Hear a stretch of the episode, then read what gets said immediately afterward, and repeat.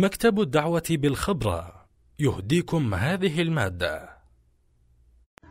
قوة معرفة الله سبحانه وتعالى واتساعها واستيلاؤها على القلب. الآن أرجوكم رجاء تركزوا معي.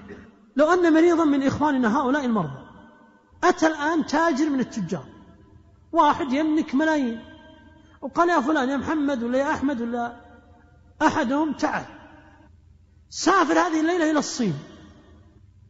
ويسافر معك اثنان أو ثلاثة من رفا... من أقاربك. وعالج هناك لمدة ستة أشهر. ترى فيه طبيب خاص. اذهب إليه. وبالطبع سافر أخونا المريض إلى المستشفى على حساب هذا الأمير أو هذا الغني. شفي من مرضه. أصبح يمشي بعد أن كان مشلولا. لما رجع استقبله هذا الأمير عند المطار. وهنأه بسلامة الوصول والشفاء وقال تعال إلى أين ذاهب قال سأذهب إلى بيتي وأهلي. قال لا. خذ شيك بمبلغ قدره خمسمائة ألف ريال. أنفقه على نفسك وعلى ولدك. وإذا احتجت إلى أي شيء اتصل بي. هذا رقمي الخاص. هل ينسى هذا المريض هذا الأمير أو هذا الغني؟ أجيب يا إخوان. يدعون تجد في كل لحظة.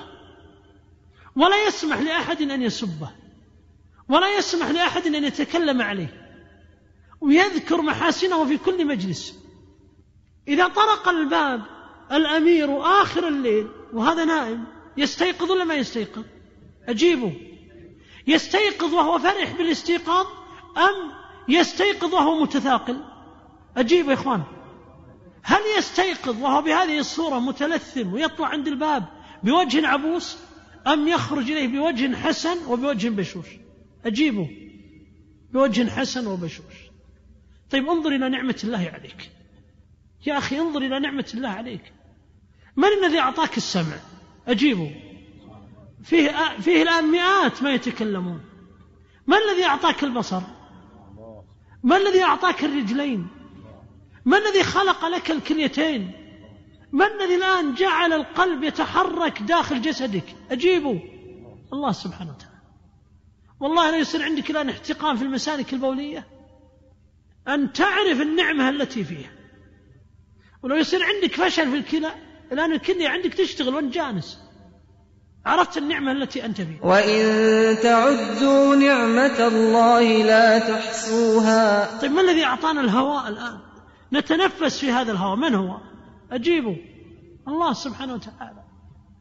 إذا إذا عرفت نعم الله عليك ونظرت إلى نعم الله عليك. شكرت الله وحمدت الله سبحانه وتعالى. والله يا إخوان لولا الله سبحانه وتعالى لا نستطيع أن نتحرك ولا نستطيع أن نقوم ولا نستطيع أن نجلس. الذي أعطانا هذه القوة هو الله سبحانه وتعالى فعظموه.